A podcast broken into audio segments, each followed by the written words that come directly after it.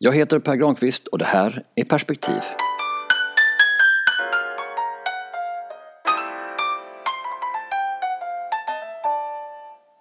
Peka finger-kultur.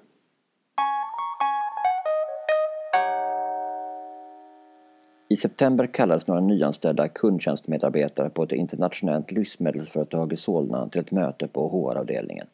De skulle få information om hur bolaget jobbar. Företaget har fått utmärkelser som en förebild på hållbarhetsområdet. På den globala hemsidan finns utförliga beskrivningar av alla de innovationer man gjort för att minska sin miljöpåverkan och bidra positivt till samhället. På sajten finns också kulturen utförligt beskriven och de värderingar som utgör kulturens kärna.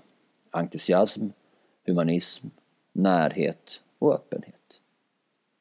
En av huvudpunkterna på mötet i Solna som de nyanställda kallats till var att tala öppet om deras plats i hierarkin. Allra längst ner. HR-chefen berättar att bolaget rangordnar de anställda i bolaget på en skala från 1 till 10. Där koncernchefen i Paris rankas som nummer 10 och de två nyanställda som nummer 1. Om de bokat ett konferensrum som någon med högre ranking ansåg sig behöva hade hen därför rätt att ta rummet i besittning. Att ett företag säger sig ha bra värderingar är tyvärr ingen garanti för att de verkligen har det. Även företag som verkar duktiga på att kombinera hållbarhet och lönsamhet kan tyvärr ha dåliga företagskulturer. Orsaken varierar. Från avsaknad av genomtänkt HR-strategi till en bara taskig kultur. Men grundproblemet är alltid detsamma. Ett dåligt ledarskap. Även om det först låter som om högste chefen pekar med hela handen och visar vilka värderingar som styr bolagets verksamhet existerade i det här fallet i själva verket en extrem peka fingerkultur där högste chefen ständigt pekade fingret för att hitta någon att skylla på istället för att ta ansvar för när saker inte går som man tänkt sig. Och de andra cheferna gjorde ju såklart precis som honom. Det gör att personalomsättningen är hög på det här bolaget eftersom de som är oskyldigt anklagade så småningom säger upp sig. Det gör också att bolaget ständigt byter underleverantörer eftersom man beskyller de förra för att vara helt inkompetenta. Det här påverkar naturligtvis också lönsamheten i bolaget. Att ständigt behöva rekrytera och utbilda nya personer kostar pengar. Liksom byten av leverantörer.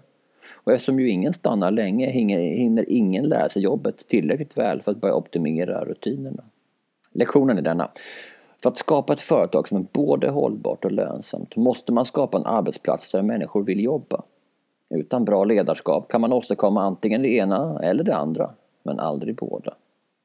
För den som söker jobb och vill försäkra sig om att man inte blir lurad för att börja jobba på ett bolag med peka finger-kultur finns en lärdom. Be att få prata med den som hade jobbet innan dig, men som inte längre är kvar i bolaget.